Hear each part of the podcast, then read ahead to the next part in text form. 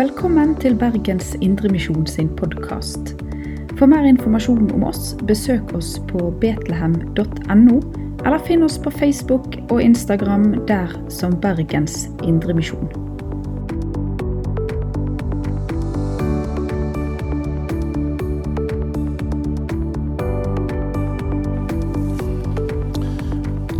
Ja, her er det lyd. Uh, og eh, vi skal gå i lag inn i et spennende landskap i dag, håper jeg. At dere vil oppfatte det sånn. Um, og Det var en formidabel, formidabel oppgave Njål ga meg. Som han sier sjøl, så er det lite av forskning på forkynnelsen som sådan når det gjelder Hans Nilsen Hauge. Veldig mye om hans teologi, veldig mye om hans biografi osv. Eh, men det finnes veldig mye litteratur om Hauge, og mer og mer kommer det jo eh, eh, etter hvert som tida går. Og Det kom nye bøker også i fjor og i nærmeste åra før det. Men jeg har tatt med meg bare to. For de som vil sette seg inn i en relativt, relativt får jeg si, da, lettfattelig måte for å få innsyn i Hauges liv og teologi, så er det jo Andreas Aaflot Dette er en popularisert framstilling av hans doktorgrad fra 70-tallet, om Hans Nielsen Hauge, liv og budskap. Veldig informativ. Og så er det i grunnen bare én bok jeg Eh, jeg vil anbefale veldig sterkt om de ikke vil lese andre bøker. Og den er lettfattelig òg, og pedagogisk vel tilrettelagt. Det er Lars Inge Magerøy si, si bok om da Norge ble luthersk. Fra Martin Luther til Hans Nilsen Hauge. Den er kommet ut på Lunde forlag. En kjempegod bok. Eh, og, og som sagt spennende å lese. Og nesten, Det er nesten sånn at jeg vil, i tillegg til denne, så vil jeg enda mer anbefale den boka han skrev om, om eh, Martin Luther, som heter 'Munken som kristnet Europa'. Uh, og når, når, Lars Inge, som var en studiekamerat av meg, eh, kaller det, eller sier at uh, dette er fra Martin Luther til Hals Nilsen Hauge, så mener han jo egentlig at reformasjonen egentlig ikke var fullført, om det noen gang kan bli det, før eh, vi fikk Hans Nilsen Hauge. Og eh, Så det være anbefalt da.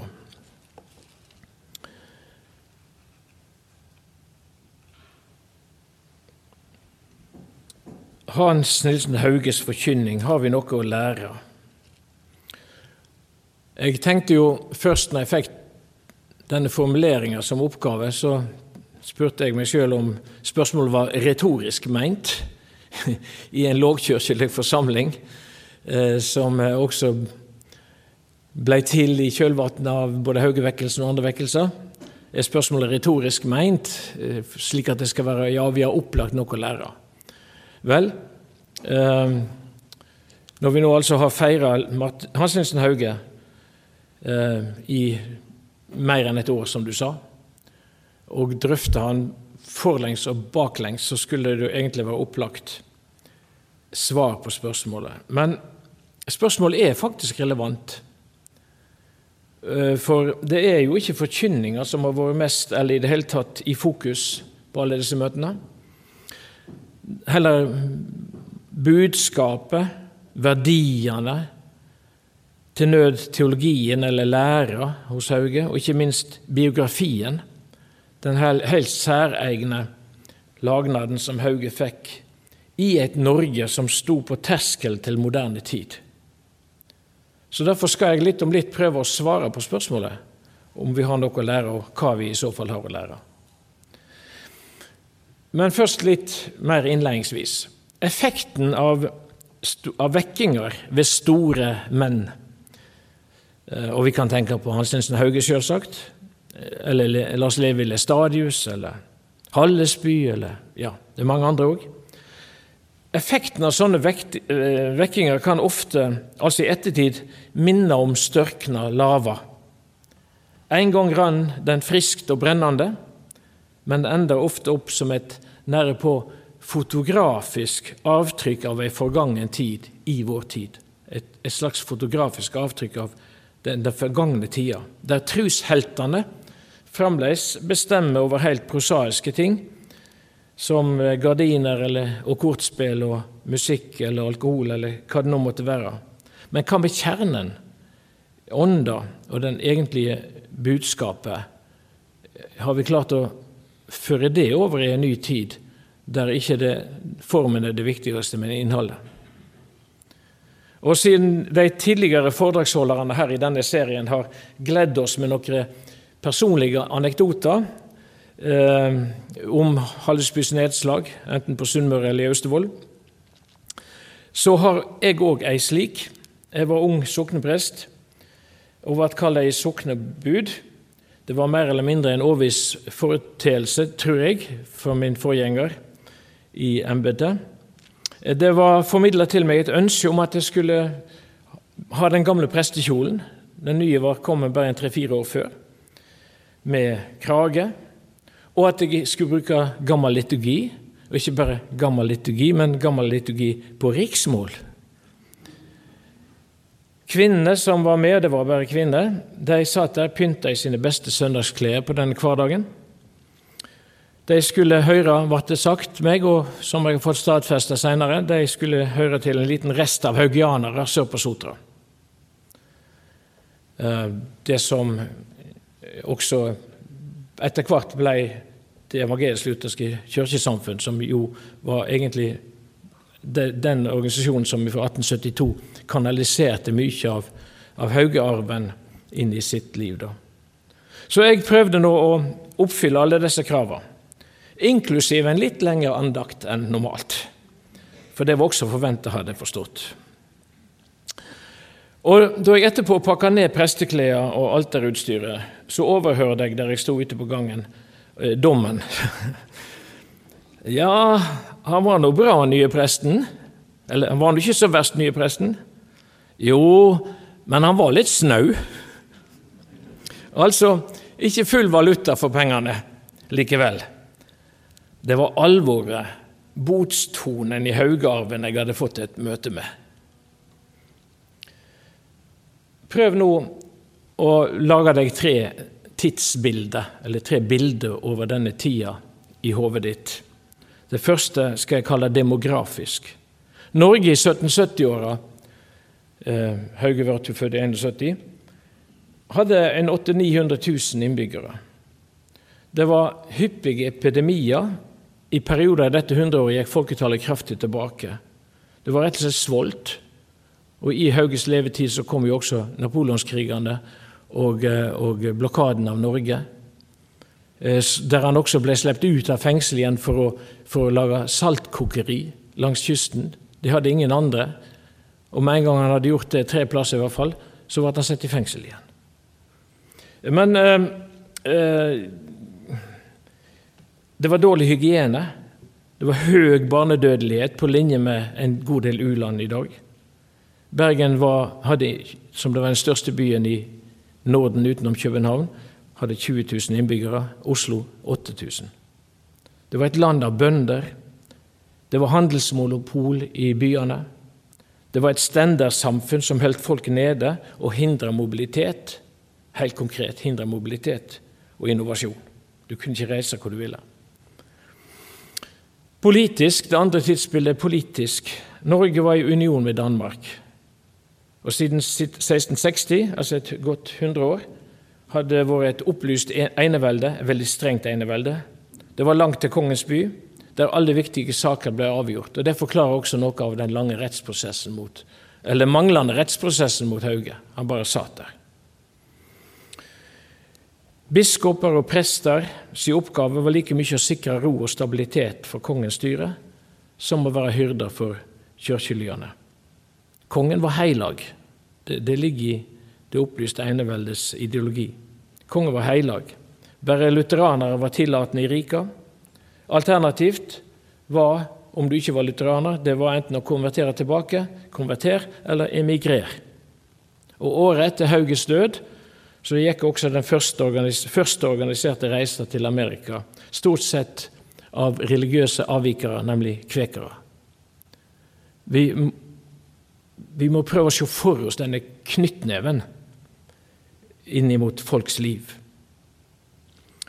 Og så åndshistorisk som det tredje tidsbildet. Vi er nå i dag ganske nøyaktig 500 år etter reformasjonen. Og vi er helt nøyaktig 500 år etter eh, Og pluss, pluss lite grann. Nei, minus, minus. Noen få år fra Hauges eh, fødsel. Altså 250 år før oss kom han Ei teologisk brytningstid var det. Ortodoksien på 1600-tallet var for lengst avløst av rasjonalismen. Og en statspietisme, men også av opplysningstid. Det siste har mange forgreininger, altså opplysningstida, både som framsteg og nyvinninger eh, på, på, det tekniske og, men, og sosiale området, men også som inn i forkynnelsen som en opplysningstid som tok vare på en del av rasjonalismens eh, holdninger til, til tro og til Guds ord. Ehm, jeg tror Aaflot har helt rett når han sier at Hauge også kan ses som representant eh, for det vi kaller opplysningstidens mennesketype. Han kom med noe nytt som brøt med det meste av det som hadde vært. Effektene av det brøt med det meste som hadde vært, og bana vei for et fruktbart hundreår som vi aldri har hatt maken til, verken før eller seinere, i Norges historie. Det hundreåret som fulgte etter Hauge. Ehm, så litt om Hauges teologi og lære. Det har i det meste av tida etter Hauge vært en slags kirkelig og også akademisk dragkamp om hvorvidt Hans Nilsen Hauges lære er trygt innenfor luthersk, evangelisk-luthersk teologi. En av hans samtidige, som etter hvert utvikla seg til å være veldig konfesjonelt pålitelig, nemlig professor Stenersen ved Universitetet i Oslo, han var sterkt kritisk til Hauges forkynnelse. I, I, sin biografi om Hauge, som kom ut faktisk bare tre år etter Hauge døde, så anklager han Hauge for, for, for uklarhet i sakramentslæra og i forståelsen av rettferdiggjøringa men særlig av hans forståing av det allmenne prestedømmet, og der var han da opphengt i den fortolkningen av Confessio Augustana, altså den augsburgske vedkjenninga, eh, artikkel 14, eh, som eh, er utlagt og tolka slik gjennom hundreåra som at det bare ved det ordinerte presteembetet at den offentlige forkynnelse kan skje. Så finnes det et monumentalt verk som jeg ikke skal si noe så mye om, om av Anton Christian Bang, som for 100 år siden Eh, og vel det, var biskop i Oslo, men han var også akademiker. Eh, han frikjenner Hauge helt for slike anklager.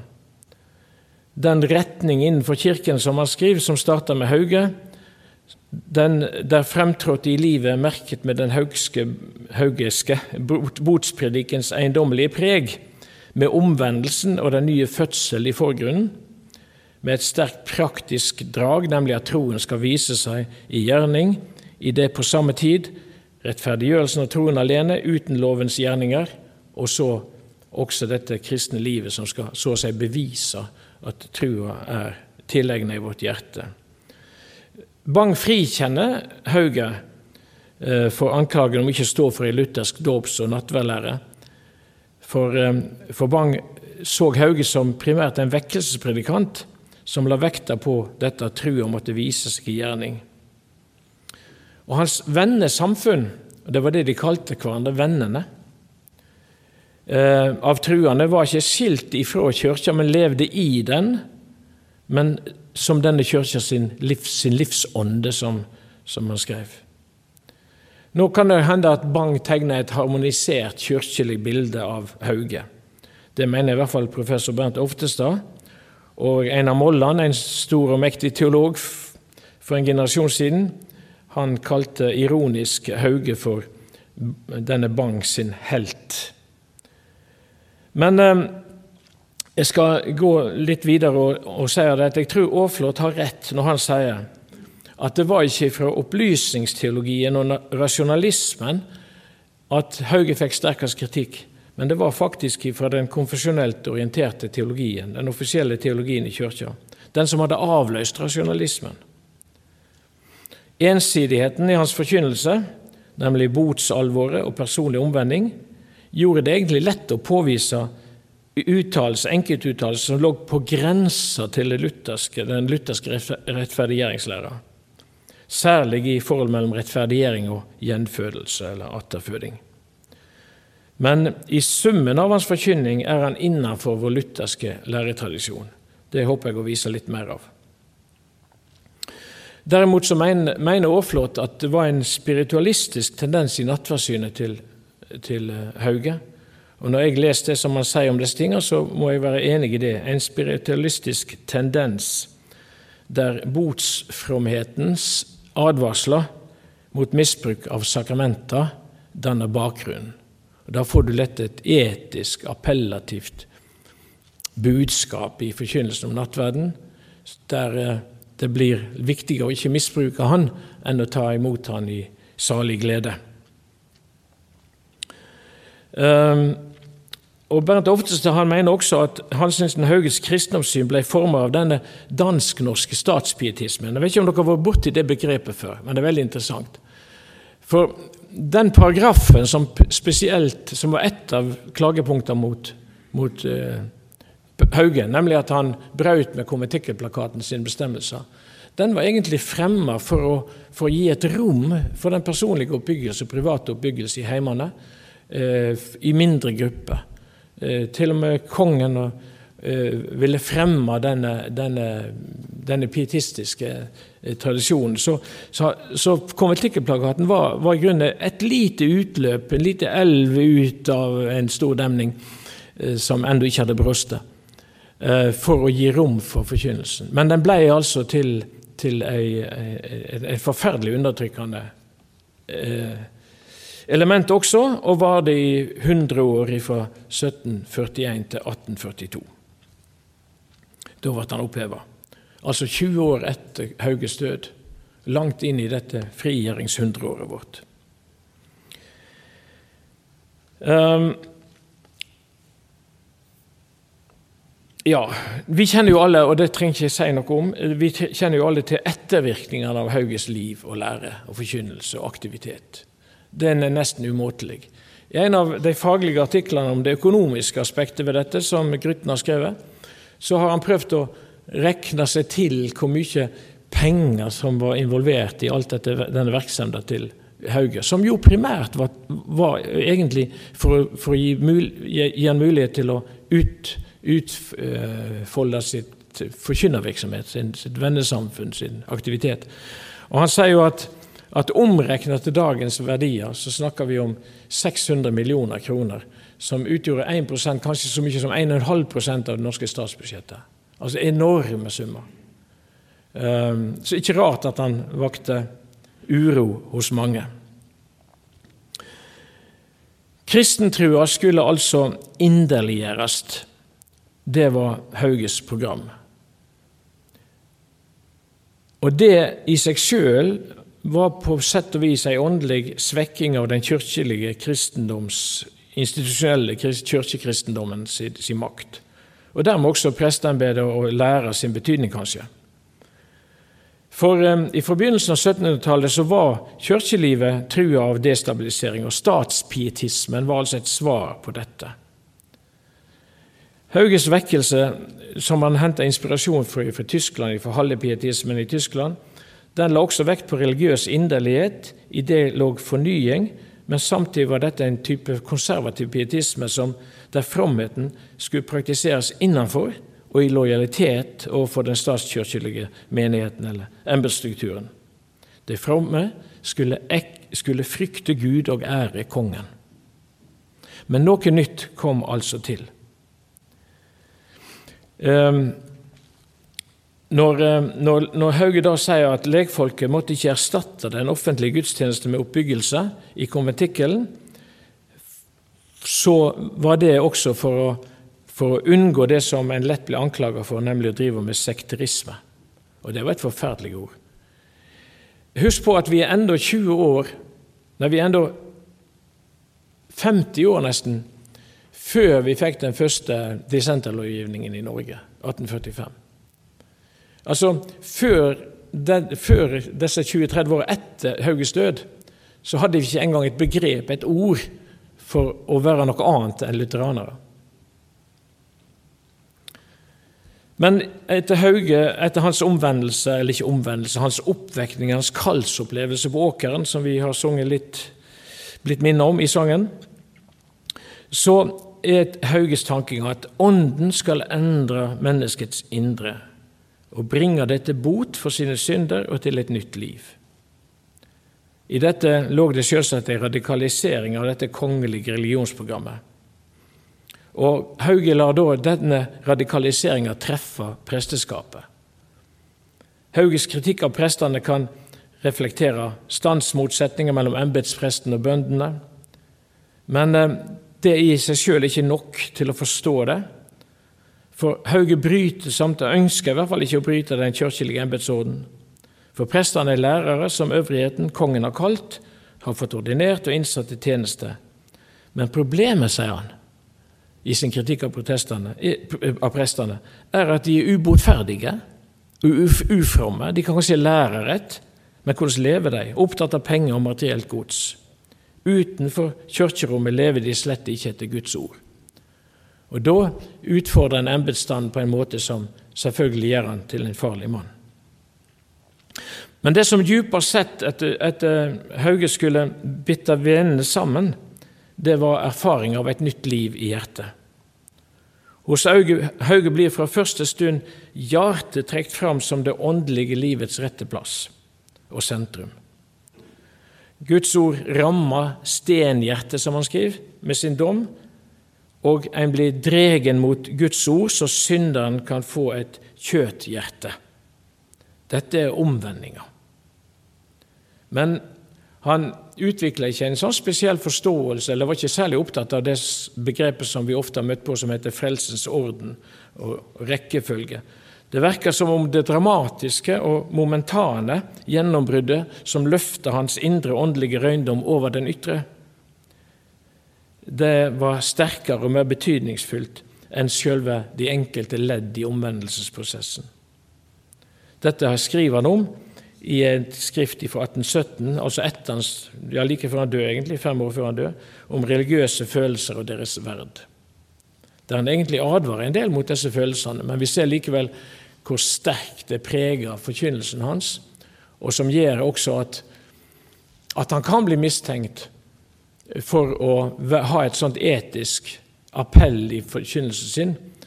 Han kan til og med bruke ord ikke bare som at vi, livet vårt skal vise at vi er kristne, men han kan si bevise. Det er ganske sterkt. Um, I um, To år før Hauge død så, så sier han vi skal gå, vennene skal fortsatt gå til kirke, motta sakramenter, la seg vie og graves av prestene.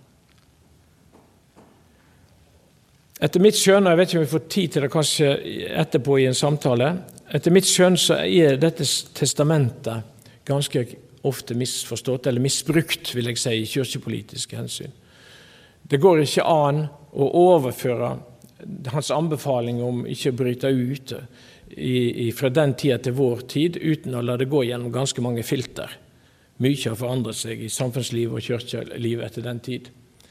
Eh, men vi ser at det helt opp til vår tid, også i, Haug, eh, også i Aarflots avhandling, er brukt som et veldig godt råd, liksom, og Det har jo selvsagt hatt den effekten at vekkingen, den haugianske vekkinga er blitt holdt innenfor kirkene, også i de kristelige organisasjonene senere, og ikke som i Sverige førte til mange nye frikirkedanninger. Ehm, så et lite ord eh, om eh, det som jeg har greia på, Eh, nemlig om forkynninga under krigen, at da, da Hallesby og, og Berggrav sendte ut sin invitasjon om Kirkens samråd under krigen, så brukte de dette begrepet den, at vi står støtt på den haugianske linje. Altså Når vi kommer til 1940 og før det, så er begrepet den haugianske linje blitt et innarbeidet begrep som en kan legge litt forskjellige ting, men det viser hvor dypt de identifiserte seg de, med denne tradisjonen når de kunne sidestille det med den lutherske og den haugianske linje. Det ble et lite oppstyr omkring det, der noen som var, var regna for å være mer vranglærende, også slutta seg til denne. Men eh, jeg syns de kom godt ifra den forklaringa. Så direkte og mer om forkynninga til Hauge. Alt som jeg har nevnt til nå, det har selvsagt relevans for å forstå Hauge som forkynner, innvevd som det er i situasjonen slik den var i Norge på den tida. Økonomisk, politisk, sosiologisk og åndelig. Det var fire anklager mot Hauge, som Peder Hansen, som eh, var biskop i Kristiansand, var jo den som utløste fengslinga av, av, av, Hauge, eh, og brukte disse, disse begrunnelsene for, for, at han ble fengsla, og fryktelig, fryktelig behandla eh, i fengsel, spesielt de første åra. Eh, det var brudd på løsgjengerloven. Tenk på det. Du treffer på en mann i Hallingdal eller i Bergen og spør hva gjør du her. Har du ikke en god, god grunn for å være her, ja, da er du en løsgjenger. Brudd på handelsloven. Har du lov til å handle? Eh, har du lov til å selge? Det var misbruk av trykkefridommen. Faktisk så var det tre ville år med trykkefridom rundt 1770 i Danmark-Norge. Men eh, selvfølgelig ble han da anklaget også for, for misbruk av den trykkefridommen. Og endelig brudd på konventikkel, konventikkelplakaten. Konventikkel er et sånn, ord som bare betyr samling, gruppesamling. Ja.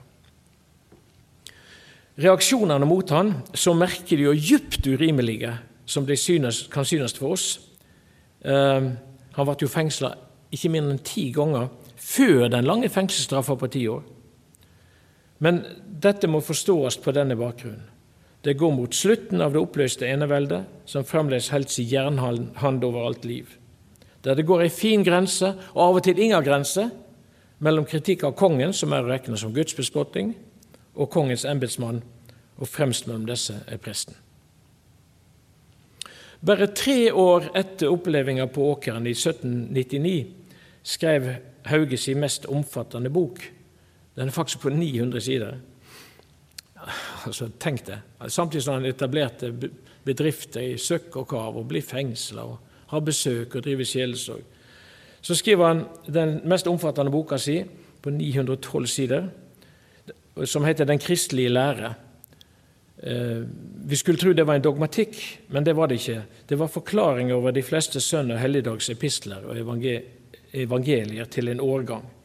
Og Denne boka kan dere søke opp og lese på Nasjonalbiblioteket som bind tre i Hauges samla skrifter redigert av hans oldebarn HNH Ording, altså Hans Nilsen Hauge Ording. Eh, jeg tror det er fra 1947 utover at disse bøkene er redigert og gitt ut. Og eh, Ikke alle bøkene har du direkte tilgang til, men, men mye. Og de som er akademikere og har, kan gå inn på Feide, som det heter, de kan få tilgang til alt. La meg med en gang si Hauge kan ikke ha talt som han skrev. For det kan ikke forklare hans suksess. Språket er knudrete, sier flere granskere. Det er til dels oppstylta i et dansk kanslispråk, sier jeg. Det har mange ortografiske feil. En vaklende grammatikk.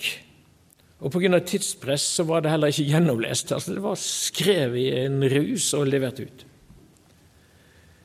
Bokleg var altså Hauge svært ulærd. Og eh, Forfatteren Hans E. Kink han karakteriserte Hauges stil som estetisk hjelpeløs.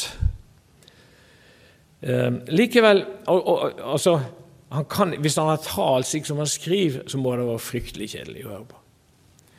Men likevel så er granskerne enige om, stort sett enige om at bøkene og preikene hans har et friskt, umiddelbart og underlig levende preg som evner å trenge gjennom alt dette ytre, utilstrekkelige. De minner i mangt om Luthers kirkepostille, og det er helt, jeg er helt enig i, som han jo også var oppvoksen med. Vi hadde ikke mange bøker der, men han var en oppvakt gutt, så han fikk også gå til soknepresten, som hadde et stort bibliotek, og leste etter hvert mye mer. Han var sjøl veldig overraska over at han kunne så mye av Bibelen utenat. For han hadde ikke referanse og ting å slå opp i. Men han, han, det er altså tusenvis av bibelhenvisninger i, i, i disse skriftene hans. Så han tar fra minnet, og han er overrasket over at han kunne det sjøl. Men det sier jo noe om den strenge, eller den grundige oppdragelsen han hadde hatt med husandakten i heimen. Ja, øh, denne friskheten i språket viser seg særlig i de bilder som han bruker til å aktualisere ordet. Og, og eh, eh, han, han, var altså som sagt sjøl overraska over sin, sin, bibelkunnskap. Men det var her, mens han skrev denne boka, på julaften i 1799 Han satt fengsla i Trondheim julaften 1799. Eh, bare, bare, tre år etter, etter kallsopplevelsen. Og dette var ikke den første boka han skrev. Han skrev flere bøker allerede. Var i København og trykt de opp. Så der på julaften skriver han den ene salmen som er med i vår salmebok. Ehm, Jeg er i Gud i nåde, hva skader verden meg? Om den en stund får råde og stenger meg min vei. Vil den mitt legem binde i fengselets mørke skjul, skal Ånden seier vinne og holde glad sin jul. Den salmen står altså på nummer 77 i den siste salmeboka vår. Og I det andre verset her møter vi en tematikk som er sterkt framme i preken hans. Sitat, Den vantro flokk ei fatter hva Åndens virkning er. Det er et sentralt tema i hans forståing av forholdet mellom det utvortes og det innvortes i gudsforholdet. Så la oss ta noen få djupdykk i tekstene. Hauge er også like dristig som Luther i det vi kaller å utlegge Skrifta allegorisk. Allegori kan dels bety noe hemmelig, noe annerledes, noe som ikke er åpenbart, som ligger på overflata, men som du må ha en spesiell innsikt for å se betydningen av. Det er forresten eh, en preiketradisjon som går helt tilbake til kirkefedrene men som jeg ikke kan anbefale, og som jeg heller aldri har anbefalt mine studenter å bruke. For det krever stor modenhet, og det krever også spesielt innsikt, så du ikke går deg vill i allegoriseringa, og, og slik at hovedbudskapet går tapt. Men eh, vi, vi, kan, eh, eh vi, kan, som eksempel på det se, se på noe som Hauges, Hauges skrev til første søndag i, i um, advent. Um, der skriver han i, i, dag, i, vår dags evangelium, altså første søndag i advent, leser vi at vår Frelser sendte to disipler som skulle løse en aseninne og et føll. Åndelig at liggende og utlegge, og der kommer allegoriseringa. Åndelig at liggende og utlegge, så kan det således forklares. Ved de to disipler kan forståes sjel og legeme, som er Herrens sendebud. Etter modell fra Luther, som, som har noen lignende formuleringer, nesten bedre, syns jeg, til første søndag i advent. Men nytolk, en nytolk av Luther så sier Hauge ved aseninnen, altså ved eselet, eh, så kan forstås det gamle mennesket, eller det første som er av jorden. Dette er bundet med kjødelige og jordiske begjærligheter eller syndige lyster. Og ved følge kan hentydes på det nye mennesket som ved Den hellige ånds gjerninger er unnfanget. Det er åndelig og himmelsk, dets lyst og vilje er at behage Gud. Vi kan si det, det viktige og blivende ved dette er at bildet som blir brukt, til å si at, at, bildet må bli brukt slik at det sier noe sant og rett om Guds ordet som lov og evangelium, selv om bildet i seg sjøl og tolkinga virker søkt i moderne øyne. Um, skal vi se. Ja. Jeg skal gi et eksempel på det eller flere. Um, Ordning skriver i sin forklaring eller sin omtale av dette her, at Hauge gjør ordet om å løse til utgangspunkt, altså løse eselet til utgangspunkt for hele preika. Og han klandrer de som støter og driver menneskets sinn fra Gud, pukker og fordrer, vil at de ved sin egen makt skal avstå fra det onde, og ei lokker dem med kjærlighet evangeliet i preken, hvorved de ugudeliges bånd kan løses, og vise dem hvordan de kan bli fri, som lokker sinnet og viljen til Gud, og dermed sønderriver alt åk som Satan pålegger, så at man kan løses fra ham. Um, Hauge har også ei åtvaring om bruk av bilder, ligninger i preika. Altså bruk av bilder og likninger i preika, fordi det kan ta merksemda vekk fra ordet sjøl. Den advarselen kjenner vi til, og den bør vi gi akt på. Men samtidig så gir han sjøl ypperlige bruk og, og, representerer egentlig en nytolking eller en ny giv i forkynnelsen i Norge. Han gir ypperlige bruk på nettopp slik billedbruk. Og Der minner han ikke lite om, om Paulus, eh, som i første kor han to skriver at han kom ikke til det med talekunst. Og så gir Paulus eksempel på en talekunst som er helt uovertruffen i hele verdenshistorien, faktisk, som retorikk. Som elegant retorikk, med alle retoriske begrep og terminologi som, som tenkes kan. Sånn at eh, er, Hos Hauge er det som hos Paulus en litt sånn dobbel holdning til dette. Advarer mot, mot å bruke det, og samtidig gi sjøl fantastiske bilder. Eh, fordi, altså, eh, For å ta et eksempel fra femte søndag etter påske, eh, så sier, sier Hauge at han har avholdt seg fra å skrive så mye om utvortes bedrifter og naturlige lignelser. Det gikk f.eks. 20 år fra han skrev beretningen om det som skjedde på åkeren. Eh, og det, det, var en advarsel mot folk at de ikke straks de hadde en opplevelse, skulle forkynne denne omtrent som et evangelium, eller som at dette må du oppleve også for å være en kristen. Han holdt, holdt det ganske nede. Men så sier han i, etter, i denne preika her, eh, med helt klar allusjon til det han sjøl har opplevd. Han har avholdt seg så meget som mulig for å skrive om utvortes bedrifter og naturlige lignelser, da erfaring har lært meg at hjertet vil henge ved slikt så mennesket forblir i sin naturlige tilstand. Dette forhindrer imidlertid ikke Og så kommer disse bildene.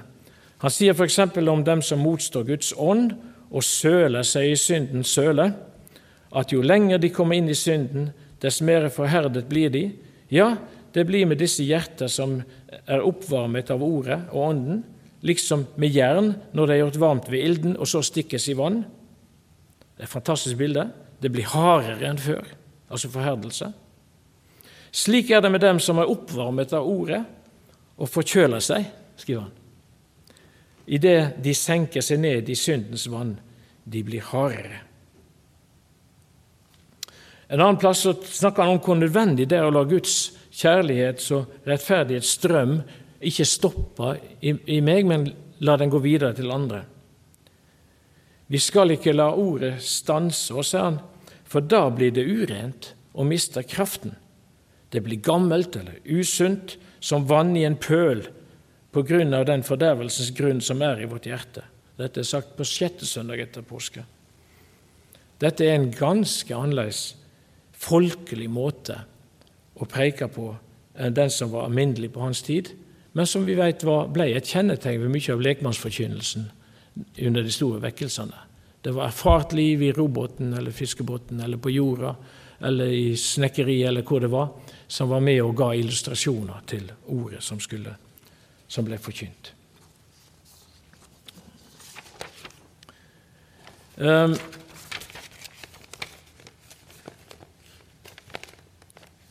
I, ja, jeg har nevnt at i, i somt av det som blir skrevet om Hauge, så, så, er det sagt at han la mye vekt på omvendinga og viste til denne forkynninga. Men det stemmer altså ikke med, med mitt, min erfaring. Eh, han har nevnt omvendelsen sin eh, eh et par og tjue ganger kanskje i alle sine skrifter, men, men bare to, en eller to, to eller tre ganger er det, nevnt, er, det, er det, sagt så mye at vi kan klart si at det er denne hendelsen han, han viser til. Eh, tvert imot er han altså opptatt av å ikke lage et slags lovkrav om dette. Og på, på sjette søndag etter Hellig tre konger eh, så, så, så, er det tydelig at han da, da, sier han noe om dette, og da kjenner han seg igjen i Peters opplevelse. Men merk, merk han sier.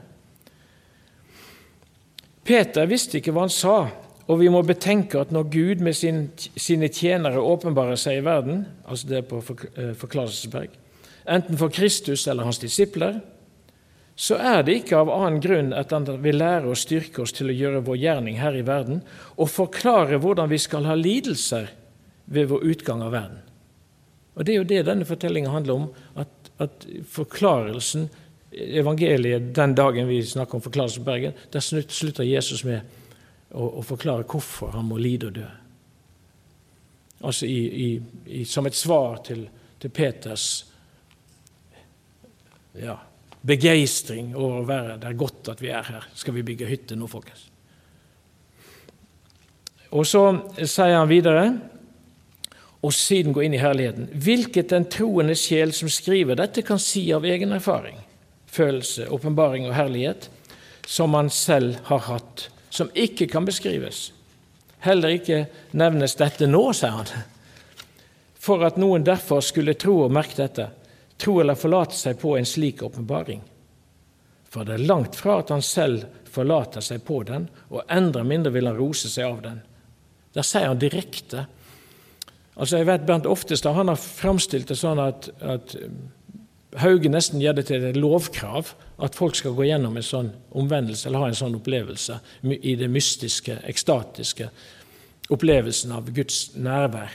Men her sier altså Hauge akkurat det motsatte for at ingen skal forlate seg på en slik åpenbaring. For det er langt fra at han selv forlater, altså Hauge sjøl forlater seg på den, og endre mindre vil han rose seg av den. For det er av Guds nåde uten fortjeneste skjenket ham en forsmak på Guds rike. Og han forlater seg ikke på noe uten alene på Guds kjærlighet, at han elsker Herren og holder Hans befalinger. Nå ser vi nok også her en nesten som metodistisk formulering i retning av at Altså at det er ikke nåden han ender opp med, men, men Guds kjærlighet, og at vi pga. den opplevelsen også skal, skal, vise det i livet, at, hva det er å være en kristen. Men det han bygger på, er ikke av egen fortjeneste, men eh, så forsømmer da heller ikke Hauge å legge til at tegnet på hans kristenstand er at han elsker Herren og holder hans befalinger. Det er jo i overstemmelse med det som står i 1. Johannes brev, men dermed så kommer også den, den klinger egentlig den moralske tonen i kristendommen tydelig med også her, som alltid hos, hos Hauge. Hvor lenge har jeg snakka nå? 40 minutter. Jeg ser der bak der. Jeg, jeg skal nærme meg slutten. Um,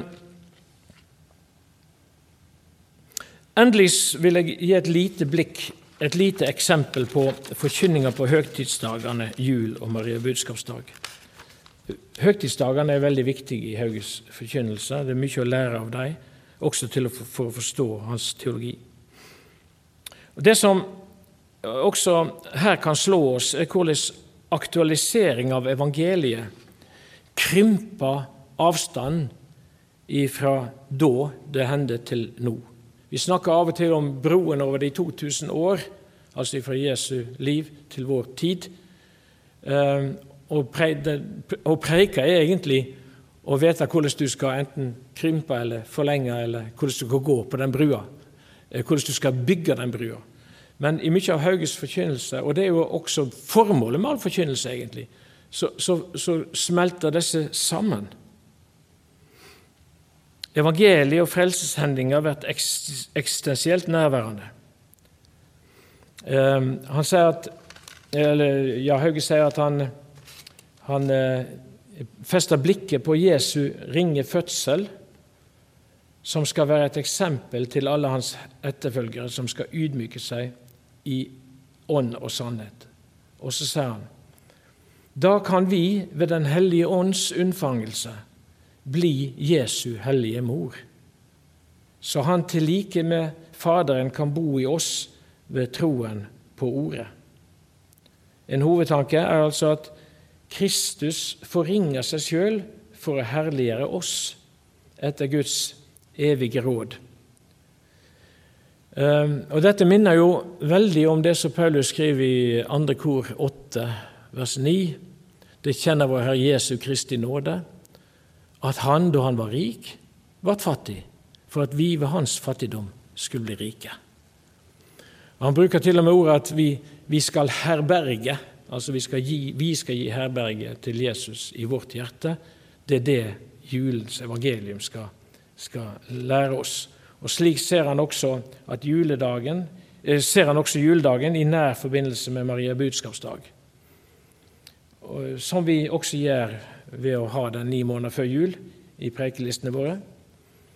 Men det, betont, det, blir da sterkt betont at Jesu underbare fødsel ikke kan gripes av fornuften, eller begripes av fornuften, som jo ikke kan fatte de ting som hører Guds ånd til. Men så kommer det da en vakker meditasjon. O, la oss holde vakt over vårt jordiske sinn, så ikke fienden skal få lokke eller stille fra oss det himmelske. For dersom vi gir vel akt på Guds ord og bøyer oss med ydmyke bønner til Gud, da skal vi ennå føle Herrens klarhet skinne om oss.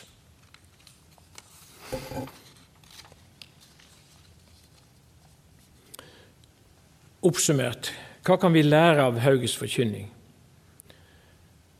Det er sterk vekt på omvendingsforkynning, altså at folk må omvende seg. Det skal vi lære. Det skal vi holde fast på. Og Samtidig må vi gi akt på at ordet som han forkynte, det førte til omvending. Og Det er jo vårt dilemma, da, at vi ikke møter de kanskje som trenger omvending, men vi møter de med omvendelsesforkynning, de som allerede er omvendt. En stor pedagogisk utfordring. Videre så, så skal vi lære av Hauges forkynning hvor viktig lekfolket sitt medansvar for kirka liv og utvikling her.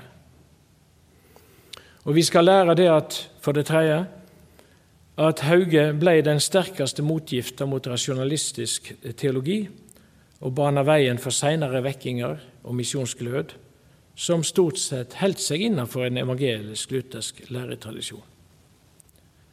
Men enda om vi gjør alt slik som Hauge gjorde det, så vil ikke han skje igjen, så vil ikke det skje igjen. For selv om forkynninga hans var interessant og til dels nyskapende, så kan effekten av denne bare forstås ved to faktorer, som er åkerjorda som tok imot, og, som, jo, og, og, åndens kraft som skaper liv. Kanskje jeg kan si det slik Hauge kom i rett tid. Jorda, jorda skreik etter vann. Det var ikke bare det kristelige åkerlandet, men hele nasjonen. For mange strømmer rant sammen i hans tid og hans liv. Politisk omveltning, skaperkraft som hadde ulma i kunst og kultur og diktning og musikk. Hauge fikk den lukka på mange vis og starta denne prosessen, var katalysatoren for denne nye tida som brøt fram, selv om han sjøl ble brått ned. Helsemessig ødelagt døde han bare 53 år gammel. 53 år gammel. Hva han fikk gjort? Og Selv om han altså da døde fysisk og mentalt, så ble den rørsla ødelagt, fysisk og mentalt ødelagt, så ble den rørsla han starta, ei drivende kraft i den nasjonale bløminga som følgde. Takk. Du har lytta til Bergens Indremisjon sin podkast. For mer informasjon om oss, besøk oss på betlehem.no, eller finn oss på Facebook og Instagram der som Bergens Indremisjon.